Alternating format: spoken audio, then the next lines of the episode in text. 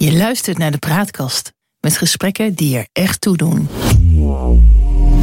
Welkom bij deze nieuwe aflevering van Nu is Later. Een podcast die gaat over ben je geworden wat je wilde worden? Hoe ben je uitgekomen waar je nu bent? En waar wil je naartoe? Mijn naam is Victor Chevalier en je luistert naar Praatkast.nl. Vandaag hebben we te gast Bastiaan Ragas. Bastiaan is opgegroeid in Lisse en is bekend geworden in de jaren 90 als lid van de boyband Caught in the Act. Als enige van deze band is hij later ook succesvol geworden als soloartiest. In 2000 brak hij door als musicalster, acteur en later ook als presentator en voice-over.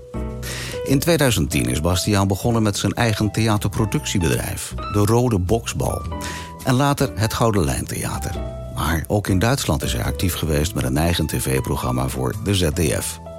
Veel jongere generaties kennen hem van het RTL-programma Ragas reist rond... waarin hij op wereldreis is gegaan met zijn vrouw Tooske Breugem en hun kinderen. Over zijn eigen kinderen schrijft hij boeken en is columnist bij De Telegraaf. Hoe is Bastiaan uitgekomen waar hij nu is? En wie is de mens achter de functie? We kunnen het vandaag allemaal aan hem vragen. Sterker, we kunnen vandaag alles aan hem vragen, want hij is bij ons in de praatkast. Hartelijk welkom, Bastiaan. Goedemorgen. Goedemorgen. Goedemorgen. Um, ja, je hebt heel veel functies, maar om gelijk met de deur in huis te vallen... is dit nu de baan waar je als kind al van droomde? Doe ja, je wat je wil? Ja, nou ja, ja, ja, doe je wat je wil of word je wie je bent. Dat is geloof ik wel uh, de crux. Ja. Uh, ik heb nooit zo gedacht in banen. Dat, dat leek mij altijd afschuwelijk. Dus ik heb altijd meer gedacht in uh, wat wil ik doen. En ik ben redelijk snel verveeld. Dus ik... Erg actief mannetje blijkbaar. Ja, ja, weet ik. Ik weet niet of ik zo actief ben. Ja, blijkbaar als ik dit zo hoor, denk ik, nou, mijn god, wat doet die man een hoop. Nou, dat, mag, mag ik daar even op inhaken? En dan mag jij zo weer verder. Maar ik ben gisteren even gaan, gaan, gaan indexeren, zeg maar, van uh, wat, wat voor functies, hè? Daar komt die. Ja. Zanger, muzikant, musicalster, acteur, presentator, voice-over, stemacteur, schrijver, columnist, theaterproducent. Dat zijn er tien. Ja. En ben ik ook nog vader van vier kinderen. En dat is wel heel mooi dat je dat toevoegt. Ja. Dat is ook best nog wel een ding. Dat is ook wel een ding. Daar gaan het straks ook nog over hebben. Maar als ik die, die tien nu noem, wat, wat, waar, waar voel jij je nou het meest bij thuis? Of? Ja, bij, wel bij die combinatie, denk ik. Ik ben redelijk eclectisch. Dus ik, uh, ja, ja. Nou. Ik weet ook niet zo goed. Het, is, uh, het leven wordt voorwaarts geleefd en achteraf uh, begrepen. Ehm, dus ik, ik, ik, ik luister ernaar en denk, ja, dat past wel bij mij. Dat is wie ik ben. Wat wilde je worden toen jij een jaar of twaalf was? Uh, rijk en beroemd. ben, ben, je dat geworden? Nou ja, ik weet nog wel dat ik uh, met Court the Act... inderdaad, dat was, wel, uh, dat was wel het meest indrukwekkende op dat vlak misschien. Ja. Tussen mijn twintigste en mijn dertigste ongeveer. En ik weet wel dat ik naar huis ging en toen hadden we echt miljoenen platen verkocht. Dan hadden we eigen shows met de crew van Take That en een eigen vliegtuig. Dat was echt, echt groot. Ja. En zeker nu ik 30 ben en ik kijk terug, of 50 ben en 30 jaar terugkijk, denk ik, nou, dat was echt wel wat. Ja. Uh, maar ja, en dus ik kwam thuis en toen zei ik tegen mijn moeder, uh, die uit een heel groot en een nuchter gezin komt, ik zei, mam, ik ben beroemd. Ja. Toen zei ze, nee jongen, je bent bekend. Hmm. En dat vond ik toen helemaal niet leuk. En ze zei het een beetje als een soort, uh, soort, soort steekje onder water, grapje, zoals mijn moeder kan zijn. Maar ze had natuurlijk wel gelijk. Uh, dus, Even voor de mensen thuis. Waar zit precies dat verschil? Ja, beroemd betekent dat je echt uh, over generaties heen een verschil maakt voor anderen, denk ik. Ik ja. denk dat je dan beroemd bent. En bekend, uh, je kunt voor een periode bekend zijn. Um, en ik wilde, ik wilde Elvis worden als kind. Mhm. Ik had een enorme fantasie. Um, en ik had een eigen tuin, dus ik een tuintje bij, de, bij mijn ouders achter de rhododendrons. Dus ik wilde tuinarchitect worden. En Ja. ik organiseerde schoolfeestjes bij ons thuis, op de zolder en disco's. En ook in de lagere school al, basisschool al. En ik was een heel groot Elvis-fan. En daarna een groot Sylvester Stallone-fan. Ja. Dus, eh, entertainment, showbusiness, maar wel eh, ja, stoere, stoere mannenhelden. Denk ik, als ik er nu over denk. En ehm, dus dat wilde ik doen. En ik, en, ik, en ik zong al, ik kon zingen. Dus dat is natuurlijk, als ik had kunnen voetballen, had ik waarschijnlijk voetballer willen worden. Oh, maar goed, er zijn veel mensen die kunnen zingen. En het is een ander idee om dat op een podium te kunnen brengen... en dat echt te kunnen overbrengen. Er zijn hele Ja. shows over, zoals je weet. Ja, ja, ja. Ehm, maar jij was twaalf. Laten we even naar die leeftijd gaan. Wat voor middelbare school ben je gaan doen toen? Nou, eh, ik, ik ben toen MAVO gaan doen. Ja. Eh, en ik zat daar redelijk eh, niet op mijn plek. Ik, was, ik, had een, ik had een MAVO-mentaliteit, maar een VWO-interesse. Ik denk dat dat het een beetje samenvat. Ja. Eh, dus al mijn vriendjes zaten allemaal op een andere school. En ik zat op de MAVO en dat vond ik allemaal vreselijk eigenlijk. En ik vond de sfeer ook niet leuk. Wat voor type school was dat? Een bepaalde... Nou, het was een protestants-christelijke school. Ja. Dit is midden jaren tachtig. En ik was eh, katholiek en ik woon in een klein dorp in Lisse. Mm. En dat was echt nog wel hardcore eh, Zwarte Kousenkerk, eh protestants-christelijk. Dus daar werd eigenlijk niet met mij gesproken. Of de- je, je kwam echt niet bij elkaar thuis. En er was er nog een deel van de klas die, die echt gewoon ja, bloedje ordinair was. En dat, ja, ik kende dat helemaal niet. Ik wist helemaal niet hoe die codes waren. En, eh, dus eh, ik was al snel een beetje de outsider. Ja. Ehm, ik denk ook wel dat het dat een beetje bij mijn karakter hoorde. Dat ben ik altijd een beetje. Eh, ik weet niet precies waar dat aan ligt. Maar wat, wat, wat versta je dan onder een outsider? Zeker op die leeftijd dan, hè? Ja, dat je je nooit helemaal deel van de groep voelt. Dat je je altijd een beetje een observant voelt. Of een, eh, een- een- iemand eh, die passeert of die, die van een afstandje kijkt. En nooit echt een deel wordt van een groep.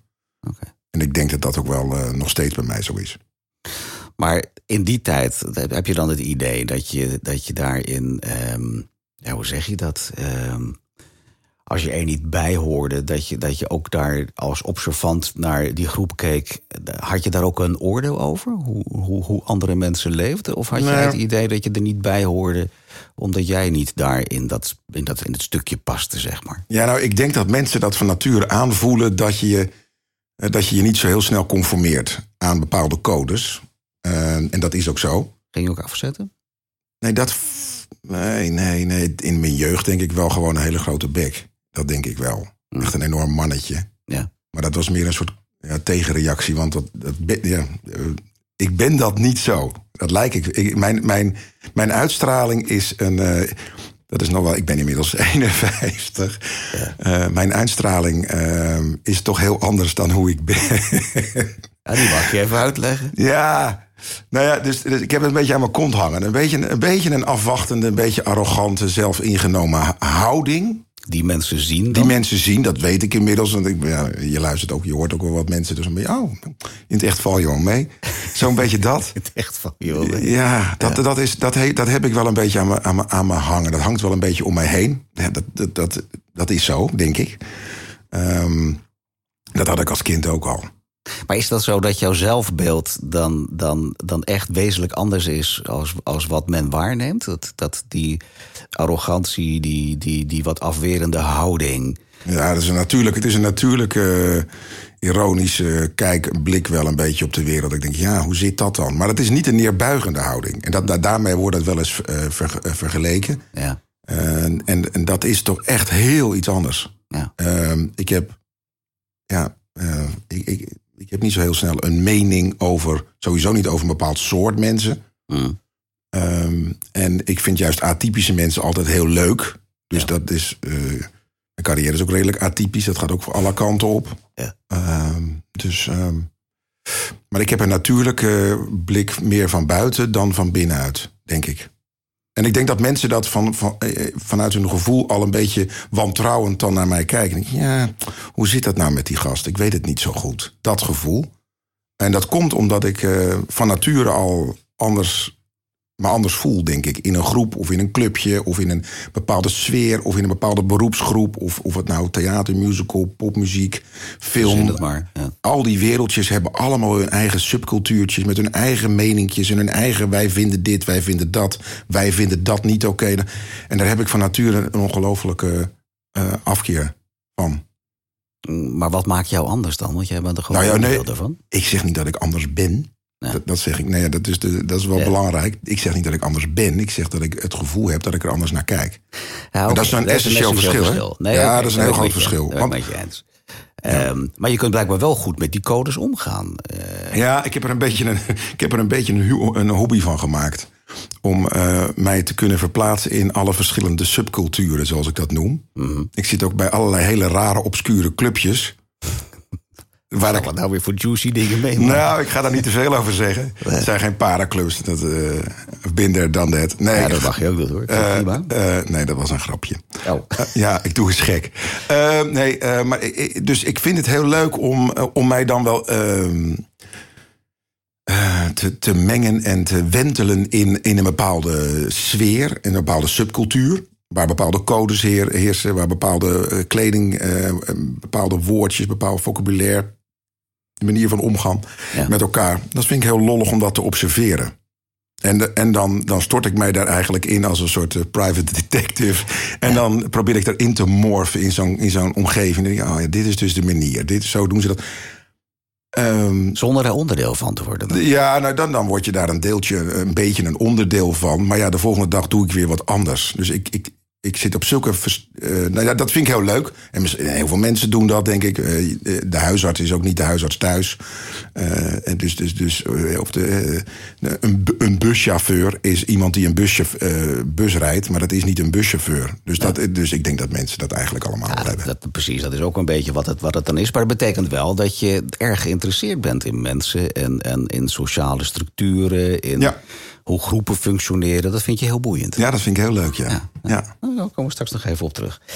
Hey, eh, even, even, even terug naar eh, jouw, jouw basisopleiding, zeg maar. Eh MAVO had je het niet naar je zin. Je was wel populair op school, of ook niet? Nou, met mate, denk ik.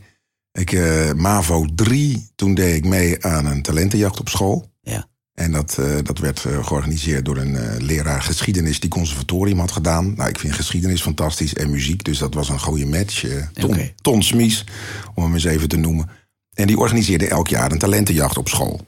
Heb je nog contact met die man? Nou, die zie ik af en toe komt hij eens langs bij een theatervoorstelling. En Oh, ik heb wel eens een keer voor televisie iets met hem gedaan. Omdat dat een heel bepalende kruising was eigenlijk in mijn schoolcarrière. En toen had hij die, dat, dat, die talentenjacht, eh, dat noemden ze het Songfestival. Elk jaar konden alle leerlingen eh, inschrijven, konden liedjes zingen. En dan was er een band, had hij van zijn oude conservatoriummaatjes, een echte band, werd live gezongen. Ja. Dat is hartstikke leuk. En toen deed ik Elvis. Eh, Burning Love van Elvis. En toen won ik. En toen dacht ik, oh, oké, dit, is wel, dit is wel leuk. En ik kon het ook. Eh, ik heb die beelden nog en dan denk ik, jeetje, mina, moet je schaamteloos, vol energie en, en, en ja, trillend van, van zo dat. Ja. Iets heel graag willen en iets heel, en ook gewoon goed kunnen voor een kereltje van met hart 15. en ziel. Ja, fantastisch, die overgave. En dat was wel een. En toen had ik wel zoiets. Toen had ik wel een beetje een positie op school van. Nou, oké, het is een praatjesmaker en het is een beetje een mannetje. Ja. Maar hij, hij is misschien ook wel een beetje anders en hij kan ook wel iets eh, zo. Dus toen had ik een beetje mijn status apart en dat vind ik eigenlijk wel heel prettig. Dat vond ik heel prettig. Nou, van, nou, weet je, ik hoef niet helemaal van de groep te zijn en ik hoef ook niet erboven of eronder, maar eh, een beetje een apart geval is oké. Hoe keken ze vanuit, jou, vanuit jouw klas toen naar jou? Ja, dat weet ik niet zo goed. Ik denk een beetje zoals ik het nu omschrijf. De men, de- Heb je, heb je nog vrienden uit die tijd over? Of kennissen? nou ja, al mijn vrienden van die tijd, die zaten allemaal op het VWO. Dus dat Ja. was een andere school. Ja. En dat was toch een beetje een andere vibe. Maar, maar hoe- En met, hoe- hen, met hun heb ik dan maar wel. Dus ik heb een heel grote groep eh, vrienden van de middelbare school. Van die tijd. Mijn beentje toen en dingen. Dat was allemaal. eh. Dus had ik eh, iets minder ADHD gehad. En ik had gewoon VWO gedaan. Dan, was, dan had ik gezegd: ja, al mijn schoolvrienden zijn nog steeds vrienden van me. Ja. Maar vind je misschien om die reden ook wat van ons schoolsysteem, hoe dit werkt? nou, grappig. Eh, ik zit op Twitter. Dat vind ik heel leuk. En ik was gisteravond bij een, eh, een profielkeuzeles van school van een van mijn dochters. Ja. En ik zit daar weer in zo'n school. En ik heb inmiddels vijf verschillende eh, middelbare scholen gezien. Mhm. Door die vier kinderen. En het is overal nog steeds als in 1980. Ja. Klassikaal.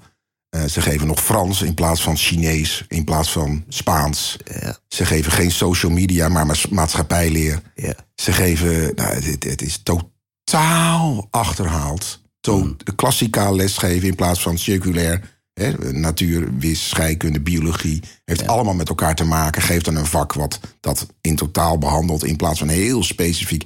Totaal achterhaald. Dat is heel jammer. Eh, dus daar heb ik wel een, eh, daar heb ik wel een redelijk uitgesproken mening over, ja. Dat merk ik, dat merk ik. Maar dat was in jouw tijd dus ook al zo. Ja, heel raar natuurlijk, ja. Nou ja, dat, valt bij mijn dochter ook op, eh, om, om daar even over mezelf te mogen praten. Ehm, ik heb ook discussies hierover. Dat ik merk dat, dat, dat ze zoveel dingen moet leren op school... waarvan ik dan naar zit te kijken. Dat ik denk van... Ja, wanneer gebruik je dit? Wat, wat, wat is de toegevoegde waarde? Dus in dat opzicht kan ik wel volgen, een beetje. Maar ik zie ook dat heel veel kinderen, en daar zul je misschien met jouw kinderen ook al tegenaan lopen, dan wel vriendjes van jouw kinderen, die in dat systeem mislopen. Die, die, die, eigenlijk, nou ja, misschien net als jij, eh, hersens zat hebben, leuke dingen kunnen doen. En ik ben een beetje tegen het waardeoordeel wat, wat aan een opleiding eh, zit. Dat, je, dat je al gelijk bij voorbaat afgekeurd wordt. Ook al zou je het al tien jaar heel goed kunnen, zeg maar. Mijn dochter zit, een van mijn dochters zit nu zat op de.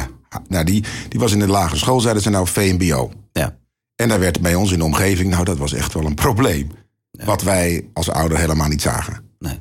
En toen ging ze uit, nou oké, VMBO. Nou, toen was het toch uh, MAVO-HAVO-advies. Nou, iedereen blij. Ik dacht, ja. nou ja, oké, Mensen zijn daar blij om. Maar mm. dat, liep, dat liep mij ook redelijk koud. En toen ging ze naar de HAVO. En toen bleek het, HAVO 4 waar ze nu zit, te moeilijk te zijn. Eh, scheikunde, Frans, talen. Ingewikkeld, heel ingewikkeld. Meisje niet blij. Heeft een enorm verzorgend en enthousiast en sociaal talent. Ja. Die gaat nu naar het MBO. MBO-zorg. Ja. De meningen, de onderwater. Nou joh, maakt toch ook niet uit. MBO is toch ook goed? De, de, gedachte dat we geen MBO'ers nodig hebben in deze wereld, of de gedachte dat dat minder is ja. dan een HBO'er of een universitaire opleiding. Uh, dat hele rendementsdenken, dat denken dat geluk in geld zit, dat het in status zit en dat die status bepaald wordt door geld. Ik, ik vind dat heel. Heel eng eigenlijk. Heel eng en niet te, ik begrijp het ook werkelijk niet. Nee.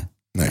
Nee, nee dat uh, kunnen we elkaar de hand geven, zeg maar. Maar heeft dat eigenlijk invloed gehad op wie jij nu bent? Uh, met andere woorden, zou je bijvoorbeeld een voorstelling kunnen maken? Stel dat je niet kon zingen.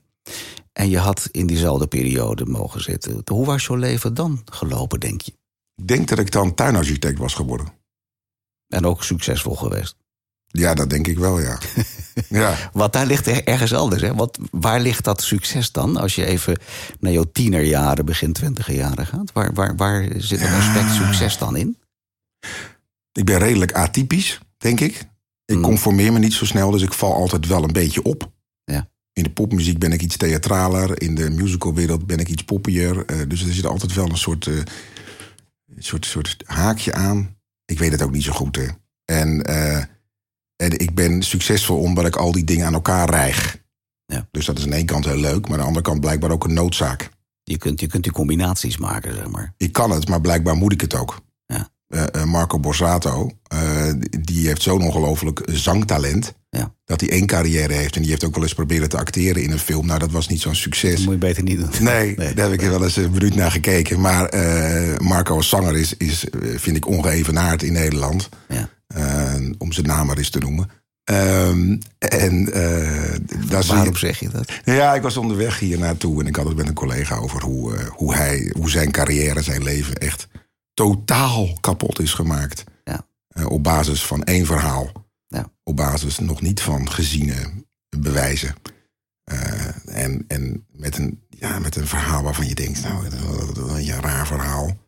Dat vind ik echt heel erg. Dus daarom noem ik hem. Nou, ik, dat, ook daar is uh, hier, ook binnen de praatkast met wat collega's, hebben we daar wat uh, woorden over gehad. Uh, in positieve zin. In die zin dat we ehm, ehm, de macht van de media enorm is. Afgezien van of Marco Borsato iets gedaan heeft wat niet kies is. Mm -hmm het feit dat hij zonder tussenkomst van een rechter al eigenlijk zo volledig uh, voor de uit, leeuwen geworpen, uit, uitgefaseerd wordt en uit, uit elkaar getrokken, ja. uit elkaar getrokken en en en dat is en en iedereen, iedereen heeft dingen gedaan in zijn leven waar hij niet trots op is. Mm -hmm. En bij Marco, ik weet het niet. Ik vind het een raar verhaal, maar ik weet het ook niet. Ja. Um, en ik ken ook wel, we kennen ook alle andere verhalen, ook van uh, bekendere mensen. Maar dan nog, als je toch één gemiddelde straat in Nederland neemt van mensen die of vreemd zijn gegaan, of bonnetjes niet hebben ingeleverd, of juist wel, of zwart hebben gewerkt, of een zwarte werkster hebben gehad, of, of in, in Thailand naar de hoeren zijn geweest, of you name it. Ja. Als je al die mensen op straat zou gooien in een onderbroek en allemaal bovenop hun hoofd zou schrijven wat ze allemaal gedaan hebben, hoe zou de wereld er dan uitzien? Dat is een mooie vergelijking. Ja, dat klopt. Het is. Uh, um, um, degene, hoe heet dat ook weer? Het is een soort bijbelse uitspraak over. Hij die vrij is van zonde. Uh, gooit de eerste de steen. eerste Werpen steen. De eerste steen. Ja, dat, was hem, ja. Briljant verhaal. Ja, ja. Briljant verhaal. Um, Zullen we zo meteen in het tweede gedeelte nog even doorgaan over Marco? Vind je dat leuk? Nee, nee. ik, heb, over nee, een beetje flauw, maar ik nou niet eens flauw. Ik dacht van ik noem hem even. Maar het ging mij vooral om dat, uh, dat we hadden het over mijn carrière. Dat, dat, dat, het zo'n, dat het een soort aaneenschakeling is, een soort ketting is van allerlei verschillende dingen. Um, ja, dat, de vraag is of dat uh, uh, juist door de kansen kwam of door de noodzaak kwam. Dat kan ik eigenlijk niet heel goed beantwoorden. Maar bijvoorbeeld... er, zit een soort, er zit een soort spirit in. Overigens, we moeten even afsluiten voor het eerste stukje. Het eerste deel, voor de mensen die geïnteresseerd blijven. Dat zijn ze uiteraard. En Bastiaan Ragas, die moeten blijven luisteren. Zo meteen maar deel 2 gaan. um, even terugkomend op Marco Borsato. Ik, ik wil hem bij deze van harte uitnodigen. Want we zijn uh, juist met een serie gestart binnen de praatkast. Waar mensen op deze wijze, zoals wij hier tegenover elkaar zitten... Uh, hun eigen verhaal mogen doen. Zonder dat daar een juicy uh, randje aan zit. Is dat een goed idee? ja, wie weet. Wie weet, is een goed idee. Dankjewel, Bastiaan. Tot zometeen het tweede, tweede gedeelte.